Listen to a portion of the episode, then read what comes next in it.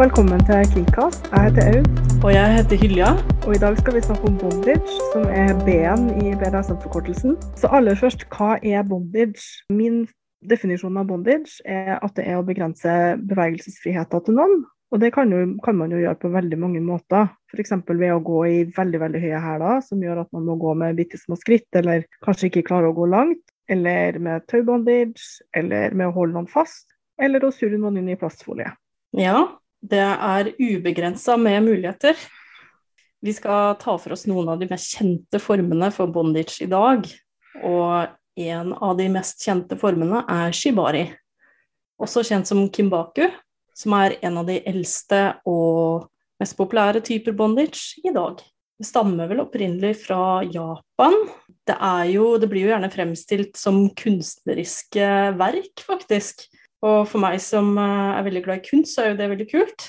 Og det er jo en, eh, en bondage-form som, som jeg vil absolutt si at det er, en, det er et fysisk element. Det er, eh, det er både det at du bruker veldig lang tid på det, det er en kontaktform for bondage, for det finnes jo også mange typer bondage hvor du ikke er i fysisk kontakt heller med den som mottar bondage, eller den som er bundet, enten om det er mentalt eller fysisk. Jeg syns shibari er en av de på en måte aller fineste og mest interessante formene for bondage, fordi at det er som du sier, så kunstnerisk, det er veldig estetisk. Og så liker jeg liksom det her litt sånn meditative i det, at man bruker god tid. Man tar gjerne mye på kroppen, man kommuniserer både med blikkontakt og Mm. ellers, og det kan føles veldig, veldig nært og veldig sensuelt og veldig Mm. fint. da. Og det kan være seksuelt eller ikke, som alle andre typer BDSM. Og det kan gjøres veldig enkelt. Man trenger ikke å kunne veldig mange knuter for å kunne være kreativ. Eller man kan bruke masse, masse år på å lære seg alt om det. Mm. Det er ikke første gang jeg hører at eh, folk sammenligner det litt med meditasjon. For jeg har møtt flere faktisk som driver med shibari eller bondage, alle typer former egentlig for bondage, som sier at det ligner veldig. Og, og det som gjør at det ligner, er kanskje det at eh, du får mulighet til å sentrere deg. Du er nødt til å ha et klart sinn. Du er nødt til å fokusere på ingenting annet enn kroppen din, enn tauet og pusten.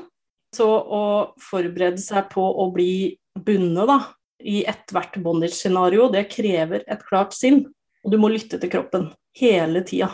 Ja, og den som er topp, eller um, man kan også ha et DS-element i det, så man kan være dominant. Um, den må også være veldig konsentrert om kroppen til mottakeren. Og gjerne sørge for at tauet blir jevnt fordelt, sånn at særlig hvis man skal henges opp og drive med suspension, så blir det ikke noe sånn ubehagelig klemming, eller at det i hvert fall blir sånn noenlunde likt. Uh, unngå nerveskader. Og så bare det ta vare på liksom, det her spesielle øyeblikket, at man konsentrerer seg fullt og helt om oppgaven sin, om den som mottar, og at det her um, er fint, både estetisk og, og veldig um, emosjonelt for veldig mange. da. Jeg tenker at det å, å motta bondage, det krever jo på en måte at man har masse tillit til den som binder deg, og det krever at man klarer liksom å slippe kontrollen til en viss grad. Og det kan ta lang tid, særlig shibari kan man bruke lang tid på, eller ikke. Og da må man liksom bare sette av den tida til det. Mm. Noen liker jo bondage fordi at man føler seg veldig trygg i tau eller i andre former for bondage. Det betyr at man kan slippe den der kontrollen, man kan slippe liksom hverdagen og slippe å ta ansvar og slippe å tenke på hva skal jeg gjøre det neste kvarteret. Man kan bare være. Noen syns det føles litt som en klem å ha på seg tvangstrøye, f.eks. Og bare ja, føle seg trygg og ivaretatt. Mens andre Mm. syns det er spennende at hva som helst kan skje mens man er i bondage. Og liksom, hvem vet hva toppen vil finne på, eller kanskje man har en sånn type dynamikk. Eller at Mm. man rett og slett er bitte litt klaustrofobisk, eller er redd for å slippe, da. Og utfordre det litt på en, en trygg og samtykkende måte. Mm. Men jeg vil jo si at man i utgangspunktet bør like å være bundet hvis man skal ha det som hobby, da. Det er absolutt en fordel. Men eh, jeg var på en sånn eh, Kanskje litt rart å nevne det i den settinga her, men kanskje allikevel ikke. Jeg var på en MR av eh, hjernen for ikke så lenge siden for å sjekke Mhm. ut om eh, jeg hadde noen synlige skader etter covid. Alt var fint, altså. Det var ikke noe gærent. Jeg hadde hatt en veldig stressende dag. Jeg hadde løpt rundt hele dagen og hatt sinnssykt mange gjøremål. Og når hodet mitt ble strappa fast og kjørt inn i den trange trommelen, så fikk jeg beskjed om at jeg ikke fikk lov til å røre en muskel, og at jeg, jeg måtte bare ligge helt i ro. Eh, og det er jo egentlig så er jo det på en måte Hadde det vært i en BDSM-CD, så hadde det jo vært en sånn type restriktiv bondage. Det har du eh, faktisk helt rett i. Ja. Det har jeg aldri tenkt på før. Det er litt morsomt. Det var det jeg lå og tenkte på når jeg lå der, og så tenkte jeg sånn mm, OK, nå har jeg tre valg. Eh, jeg kan få panikk, jeg kan bruke en overlevelsesstrategi, eller jeg kan overgi meg. Uh, og når jeg valgte å overgi meg til at jeg kommer meg ikke av flekken, jeg må faktisk ligge i ro til han sier at jeg kan få lov til å gå ut av trommelen, så bare slapp alle spenningene seg, og jeg sovna i trommelen. og når jeg tenkte etterpå, det var sånn OK, jeg kan skjønne hvorfor folk kan like det. Det med restriktive ja. bondage og det med bondage generelt. For det Du må jo bare Du må bare slappe av. Det var ikke noe valg, liksom. Og for de av oss som er glad i å ha kontroll, så er det jo en sjarm i å, å, knyte fast noen det å på sett og vis ta kontroll over dem og bestemme hvor de skal være og hvor lenge, og selvfølgelig innenfor avtalte grenser, da. Mm. Og ikke minst det at man kan vise en ferdighet, eller uh, i hvert fall få lov til å eksperimentere litt, da. Det er jo et sånt kontrollelement i det òg, som er veldig pirrende for de som liker det. Men man kan jo også dra det litt videre og ta det til noe som kalles for torturbondage. Og, og, da har jo folk en tendens til å bli bundet gjerne i timevis. Eh, altså det er jo liksom ut ifra hva de har blitt enige om på forkant. Men smerte er jo definitivt eh, navnet på leken. Det er jo definitivt et element i torturbondage. målet er jo å påføre smerte. Så, så, folk som er på en måte djupt inn i sadisme, eller på en måte utforsker litt inn i sadisme, så, så vil jo det å utføre en bondage på en måte som tilføre smerte være veldig gøy. Veldig interessant. Innenfor ja, rimelighetens rammer, på en måte. Etter taubondage, da, eller også etter andre typer bondage, så kan man ha merker etter det etterpå. Og jeg syns det er veldig estetisk å se en kropp med sånne taumerker på. Så kan det være litt ømt, og man kan kanskje gi noen en massasje eller sånn under påsken av å skulle bli kvitt uh, taumerkene, eller eh, Det kan være også veldig intimt og hyggelig og liksom et sånn kortvarig minne da, om det man har gjort. Mm. Og smerten kan være eh, et ønska resultat eller et biprodukt. Og man kan også tolerere smerte fordi man liker det estetiske i shibari eller andre typer av bondage. Det er masse å ta tak i. Ja, det er det. Men det er litt artig det du sier med merker, da. Fordi at uh, ute i den gåseøynene vanlige verden, så, så, er det sånn at du får du et blåmerke, så er det litt sånn å nei, jeg har fått et blåmerke. Det vil jo synes. Men uh, ute i BDSM-verdenen så, så merker jeg at veldig mange som er subber eller som er smertetøser eller hva det nå enn kaller seg, de elsker å vise fram uh, merkene sine. Det er litt sånn stolthet. Og jeg har også vært borti subber som har spurt sine dominante kan du være så snill å legge ut det bildet her på Fetlife. Altså Fetlife uh, er en sånn type nettsamfunn for um, kingstere à la Facebook, bare at det er litt mer sånn kinky forum. Så, så, det er mye stolthet òg. Litt sånn Å, kan du stryke på merkene mine? Kan du ta bilde av merkene mine? Jeg vil ikke miste de. det er veldig søtt, da. det kan være litt sånn eh, romantisk. Jeg har sjøl fått tilsendt eh, bilder av eh, merker som jeg har lagd. Og det er jo gjerne litt sånn så gøy vi hadde. Se her på en måte hva vi det er kanskje rart for mennesker som ikke driver med BDSM, men det er viktig å huske på at det er jo ønsker. Det er mm. noe som alle parter tenner på og syns er morsomt. Og det finnes selvfølgelig folk som ikke liker blåmerker. Det kan være greit å på en måte huske på det i forhandling. At hvis man absolutt ikke vil ha blåmerker fordi man skal i svømmehallen med ungene dagen etter, eller noe sånt, så, så unngår man det. Men uh, det er jo ikke noe galt i det. Nei, og så går det an å lage merker på steder som er litt lettere å skjule òg, da. Det er jo noen som liker det bedre. Og det må det man jo bli sant. enige om på forkant i så fall. Mm.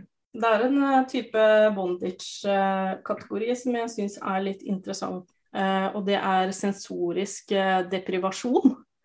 Og deprivasjon ja. ja. og det, det handler jo om at sanseinntrykk, som f.eks. syn og hørsel og smak og lukt blir fjerna. I praksis så er det vel først og fremst syn og hørsel og Ja, det er vel egentlig stort sett det det går på. Og det har jo blitt brukt som tortur i fangeleiren mm. Guantanamo Bay i Cuba. Men den har også blitt brukt til meditasjon, avslapning, alternativ eh, behandling og spa. Det har, jo, det har jo blitt veldig populært med sånne flytetanker. Jeg vet ikke om du har prøvd det? Jeg har aldri prøvd det, men uh, jeg er bitte litt klaustrofobisk. Ikke veldig. Men uh, jeg syns at det å sitte fast, særlig hvis jeg ikke har valgt det sjøl, er skummelt. ja. Jeg tror, jeg tror, ikke det er sånn type flytetank med lokk på, som du ser i sånne, sånne oh, ja, ja, amerikanske det, det har skjedd. Ja, det er litt mer sånn Jeg husker jeg så en film der døra liksom smelte igjen, og jeg tenkte bare uff, det var ubehagelig. Jeg Men, tror uh, igjen, ikke de har lokk på. Det kan være at dette er feil. Men jeg tror de ligger i et saltvannsbad, og så kan de gjerne bli holdt av en terapeut, eller de ligger og flyter i saltvannet, da. Ja. Så jeg kan jo på en måte jeg kan, godt, jeg kan veldig godt forstå at andre mennesker liker alle, alle de her typene. Den erfaringa jeg har med sånn type sansedeprivasjon, det, det er jo sånne lær på en måte soveposer gjerne med snøring og glidelås, som du kan på en måte feste veldig veldig tett rundt kroppen. Og så har man gjerne hette med bind for øynene og øreklokker eller uh, sånn i ørene. Og Det som er viktig å tenke på da, er jo at man er nødt til å ha en måte å gi stoppord på, eller en måte å trekke tilbake samtykke på. Så om det er det at man holder noe som kan bråke inni der, selv om man har lite plass å røre seg på, eller at man kan på en eller annen måte signalisere da, at jeg vil ut. ja, om det så er ei lita bjelle eller hva som helst. Ja, det, det, går an å fikse det, liksom. Jeg vet om folk som har fått fløyte inni uh, maska, uh, men den kan jo også forsvinne i halsen, da, så det er jo alltid, alltid hensyn å ta. men um, sånn type bilnøkler inni der bruker å funke noen ganger, altså at man kan høre det. Ja. Men uh, poenget er jo at det kan føles veldig, veldig trygt og godt, og at man bare kan ligge der og ikke mm. tenke på noe spesielt, og ikke ha noe formening om tida som går, eller, eller sånn. Og kanskje mm. til og med litt spenning i liksom, hva toppen skal finne på etterpå. Hva de ja. planlegger mens du ligger der. Ja, og det er jo det at det kan jo være veldig positivt, det her. Du kan jo til og med få en uh, nesten litt sånn meditativ uh, opplevelse av det, men du kan også få en forferdelig ubehagelig opplevelse av det ved å f.eks. låses inn i et sånn type deprivasjonskammer eller torturkammer hvor all lyd og alt lys forsvinner. Og det er jo ikke alle som håndterer det like bra, og man veit jo egentlig ikke hvordan man vil reagere før man er der heller. Så det er jo viktig, det er viktig å ha en vei ut og en mulighet til å bare si stopp, rødt. Så kan det være helt greit mange dager, men den dagen du kommer hjem fra jobb etter en kjempekonflikt og har stressa og Liksom, og så på en måte bli stengt inne i et sånn trangt rom, eh, det kan bli mye. Eller det kan være fint å endelig få det stilt, da. Så man må være litt forberedt på at man kan reagere ulikt fra dag til dag. Men nå har vi jo vært litt innom shibari, eh, japansk bondage. Og så finnes det jo en type bondage som gjerne kalles vestlig bondage, da, i sånne engelskspråklige bøker, eh, direkte oversatt. Og den er jo gjerne mer praktisk, der shibari er estetisk og sensuelt og kunstnerisk. Der er vestlig bondage gjerne mer praktisk. Og det er oftere, om ikke alltid, seksuelt. At det handler om å gjøre kroppen klar for på en måte penetrerende sex, eller for å lage en smerteopplevelse, eller rett og slett sånn praktisk å feste noen til noe for å mm. påføre smerte i lek. F.eks. å binde beina fast til uh, til en stol da, for å bli tatt mm. bakfra. Eller um, binde noen fast i de fire hjørnene av senga. Eller å feste hendene bak på ryggen, rett og slett, med, mm. med tau. Ja. Og det kan jo være veldig glidende overganger mellom de her ulike typene bondage. Og jeg syns ikke at den ene typen er bedre eller, eller dårligere enn den andre. Det er bare ulike fokus og ulike måter å gjøre det på. Men det er litt ulikt liksom, hva man har eh, bakgrunn med. Så er det jo sånne som meg, da, som er litt lat, som kanskje kan noen knuter, men som ikke har tålmodighet til å gjøre det vi egentlig innerst inne har lyst til å gjøre. Mm. Eh, men så bruker man chat, da. Ja. Både fordi at jeg liker lær, jeg syns lær er kjempefint, og fordi at det er kjapt og enkelt. Mm. Absolutt. Og det fins jo stenger du kan bruke, det fins jo håndjern, det fins egentlig alle typer uh, kjetting. Det er jo helt ubegrensa med ting du kan benytte. Og, mm. og, jeg er nok av den typen, jeg også. Jeg, det er ikke det at jeg er så utålmodig, for jeg tror nok at jeg kunne ha likt å holde på med shibari mange timer hvis jeg hadde likt tau. Men for min del så handler det om at jeg liker ikke konsistensen av tau på fingrene mine. Altså noe så rart som det. Som gjør at jeg heller foretrekker lær eller uh, metal, den type ting, i stedet for tau, da. Og så er jo fullføre, for så vidt. Ja, for meg så handler det nok mye om mestring. At, eh, særlig når man er i domspace, eller på en måte når man er i den rollen, da, så er det lett at man, at man gjør ting som man kan. fordi at det er det som føles riktig. Det føles ikke så veldig dominant å stå og surre med en knute og liksom Å, sorry, nå ble det knute på tauet, jeg får det ikke opp. Uh, kan du flytte deg litt, sånn at uh, Nødvendigvis, da. Det er jo forskjellig fra person til person.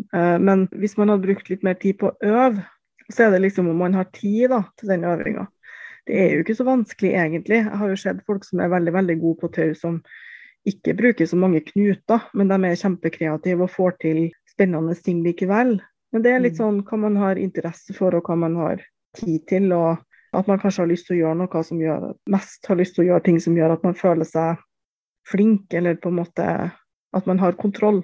Ja, Men tror du ikke at uh, man hadde holdt på med shibari hvis det var noe som virkelig interesserte en, så hadde man jo lært seg det? Tror du ikke det?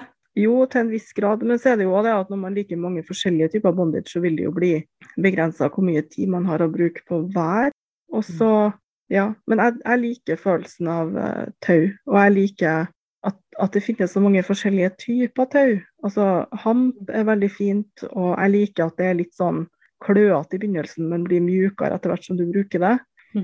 Jeg har hatt uh, silketau, som er kjempe, kjempemjukt og også veldig dyrt. mm. og som ser fantastisk ut. Bomull og liksom sånn nylon eller polyester. Det jeg har lært ganske tidlig, er at man ikke bør bruke tau som strekker seg. fordi at da kan det for det første endre seg, det som du på en måte knyter på kroppen. Og det kan bli veldig stramme knuter som er fryktelig vanskelig å få opp, for ikke å si umulig. Mm. har skjedd noen ganger på film for eksempel, at man bruker nylonstrømpebuksa til bondage, og da tenker jeg bare nei. nei. det, det, er ikke, ikke, så trygt. Det er jo nei, det, mange det, forskjellige. Ja, det er mange forskjellige former. Altså, jeg tror også det er en grunn til at veldig mange som driver profesjonelt med bondage, ofte har en saks eller et eller annet skjæreutstyr i nærheten. For det, ulykker kan skje, og det er greit å være på den sikre sida, selv om du aldri kan være helt sikker.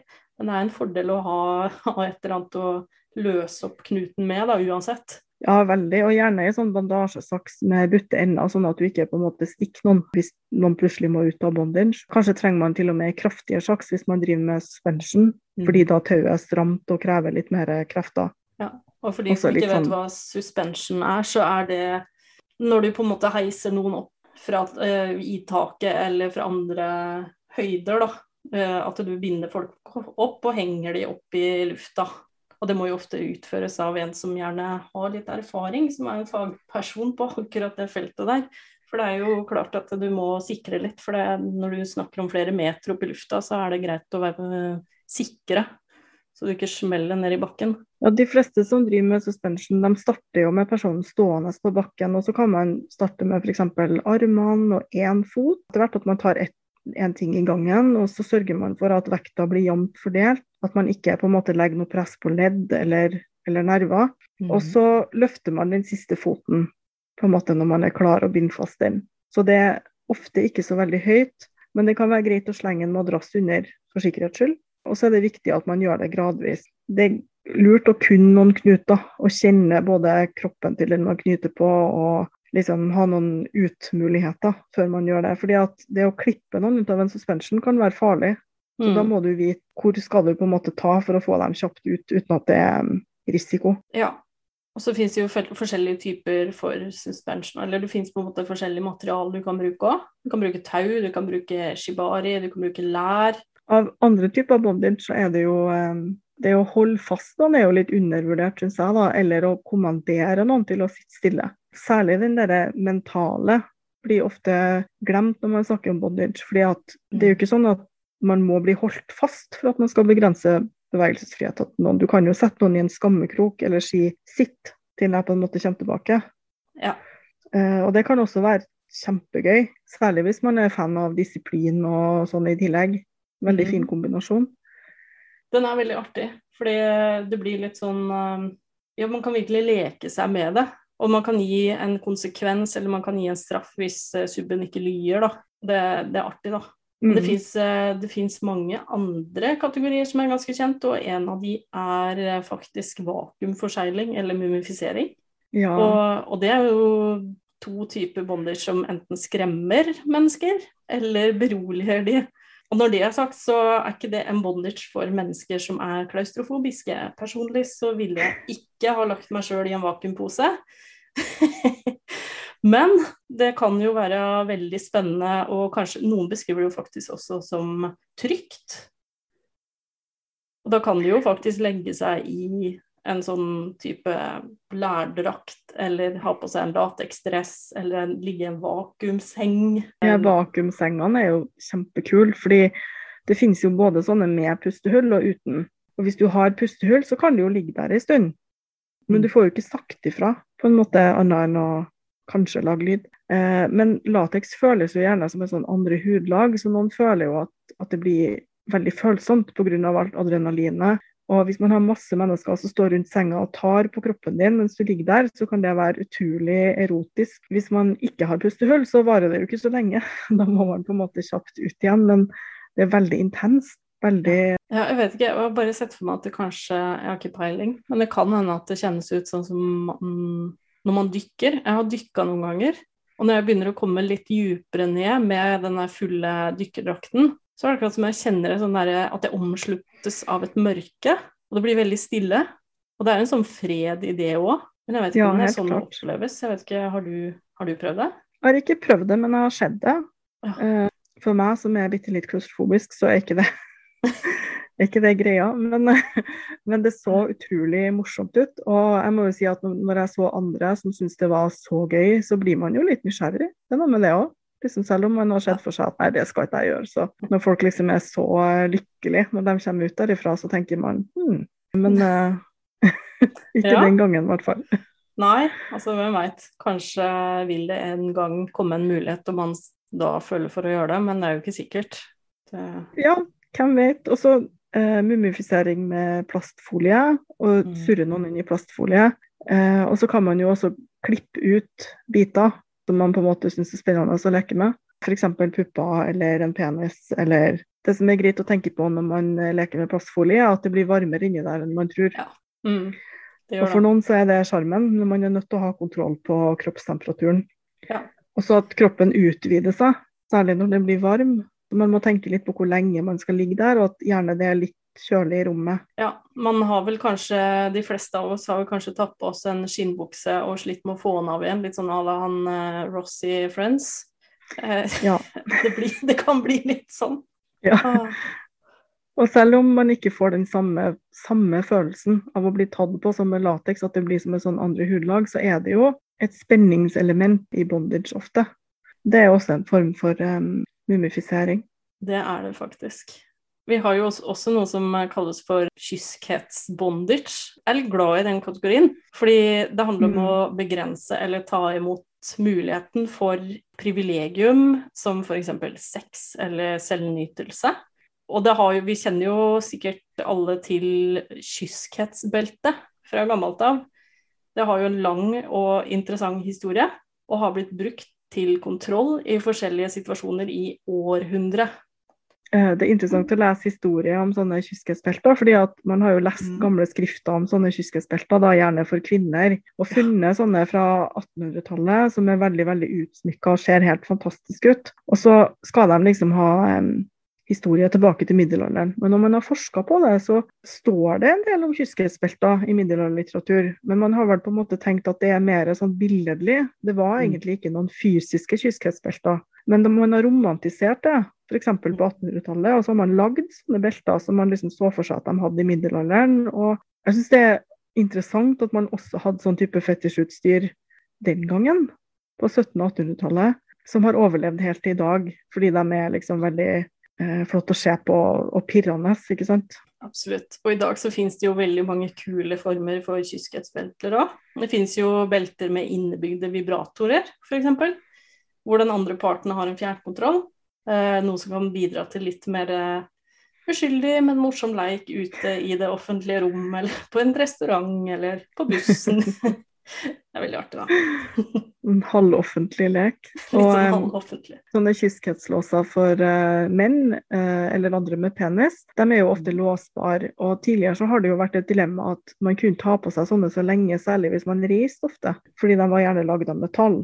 Men vi er jo veldig kreative vi mennesker, så da lagde vi jo selvfølgelig noen et av plast, sånn at man kan reise og gå gjennom røntgenmaskin eller sånn med det.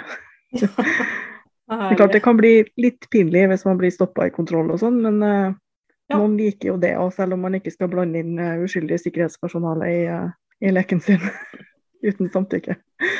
Um, ja. Men min erfaring er at sånne kyskhetsbelter, den typen bondage, har ulik effekt på mennesker av ulike kjønn.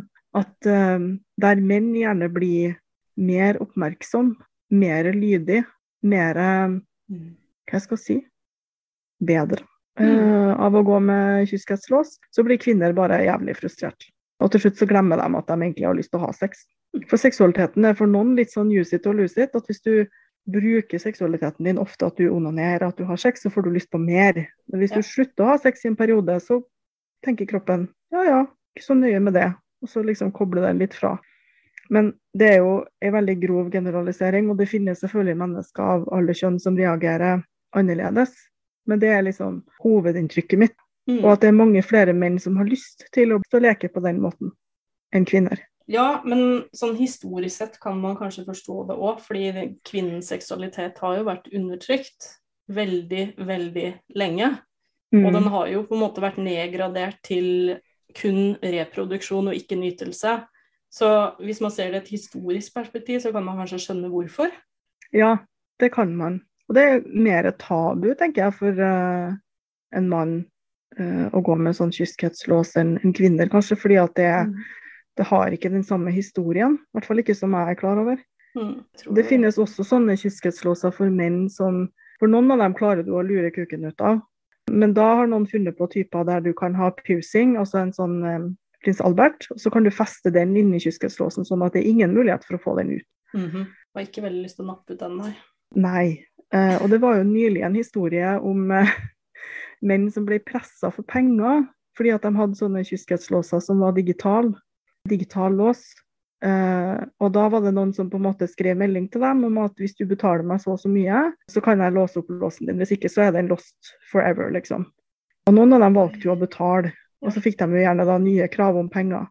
Så det er veldig gøy med sånne digitale leker som du kan koble til mobilen din og sånn, men de kan også hackes. Så man bør kanskje være litt uh, forsiktig. Men, um, og fordi det her er litt tabu og litt flaut, så var det jo ikke så mange som torde å ta kontakt med leverandøren. Men de som tok kontakt med leverandøren, de fikk jo låst opp låsene sine derfra. Så det, det finnes som regel en løsning. Ja, det der er en sånn skikkelig 2021-situasjon som man kanskje for noen år tilbake trodde man ikke kom inn i, men uh, ja. viktig å nevne, absolutt. Men, uh, det skal det sies at sånne, sånne, er stort sett trygge, altså. Men det, ja. ja. Ja, men uh, ja, det er jo en reell risiko faktisk å bli hacka. Mm. Men det går jo litt innenfor uh, kategorien ydmykelses- og situasjonsbondage òg, uh, selv om det her egentlig var et reelt misbruk av den tilliten. Jeg syns jo at ydmykelsesbondage i seg sjøl, samtykkende, er kult og veldig opphissende. For da er jo sjølve ydmykelsen målet. Og det kan jo på en måte handle om å binde noen offentlig, trenger ikke nødvendigvis være seksuelt. Det kan handle om å latterliggjøre under avtalte forhold, eller eh, bære en gag med et eller annet vaskeutstyr og få den underdanige til å vaske hele stua. Det syns jeg er veldig artig. Ja. Det fins jo så mange muligheter. Det er så, veldig Shibari har jo også en historie der med at man putter noen i bondage med klærne på. Så kan man f.eks. åpne skjorta og blotte bryster, eller blotte dem på andre måter mens de er i bondage. Og det er jo også en type ydmykelse som kan funke for noen. Vi har jo også ansiktsbondage. Uh, og det går jo egentlig litt sånn hånd i hånd med gagging. Det finnes jo mange typer gags eller ting du kan putte i ansiktet eller i munnen som er under uh, kategorien ansiktsbondage. Gagging er jo først og fremst fokusert på munnen til personen, mens ansiktsbondage er mer fokusert på å ha ansiktet innpakka eller på en eller annen måte omgitt av materialer. Da. Så det fins jo alt fra nesekroker til masker til å binde opp. Altså det, det, er helt Det er så mange måter å gjøre det på. Gassmasker er jo også faktisk en form for eh, ansiktsbondage. Men hvis jeg skulle ha avgjort eller plassert det i en kategori, så ville jeg faktisk sagt, sagt at det er mer pustekontroll. Mer erotisk kvelning-kategorien. Fordi du får, det, du får det elementet på toppen av. Det med å begrense oksygen. Og det kan være både pustekontroll, det kan handle om materiale, eh, gjerne lateks, eller uniformer, uniformsfetisj eller andre typer Så gassmasker, altså det meste, da, men særlig gassmasker tenker jeg at kan ha mange sånne ins, da, hvorfor man er interessert i det. Og også bondage. At det rett og slett kan eh, hindre bevegelsesfriheten din litt. Men du snakka om at du hadde vært i en butikk og sett på utstyr. Ja, jeg hadde vært i en butikk for uh, å se på ulike gags. Jeg var jo først og fremst i Det var jo London på et kurs som jeg var med kona mi på Det var et sånn King-kurs, tror jeg. I en sexleketøybutikk langt inne i gud veit hvor. Det tok i hvert fall sinnssykt lang tid å komme oss dit. Og det var så utrolig mye kule gags. Uh, gags er jo en av de vanligste bondage-relaterte sexleketøya vi har på markedet. Det fins jo ubegrensa med gags. Det fins jo sånne baller du kan ha i munnen for å forhindre subben fra å snakke. Og det fins um, silikongagger med dildo, faktisk. Og så har du en spider-gag, og den hadde Det var fire sånne metall Eller Ja, det er jo ofte metall, er det ikke det?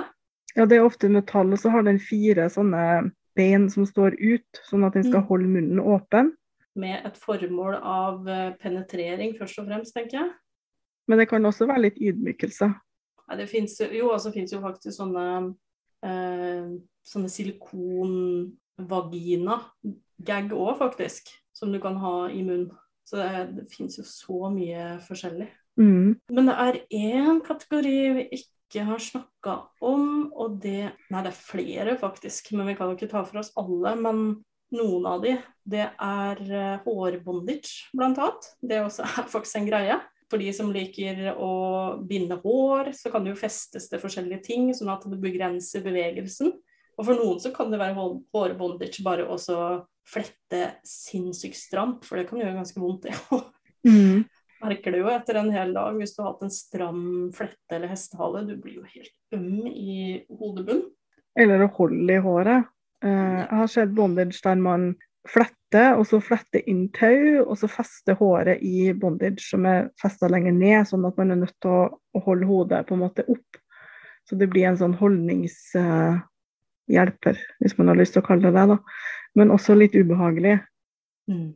Det er jo overraskende mange som liker å bli dratt i håret. Man kan jo også skjønne hvorfor, for det er jo utrolig mange muskler i hodebunnen aldri egentlig tenkt over det før jeg eh, fikk beskjed om at jeg hadde muskelknuter i hodebunnen en gang jeg hadde anstrengt meg veldig.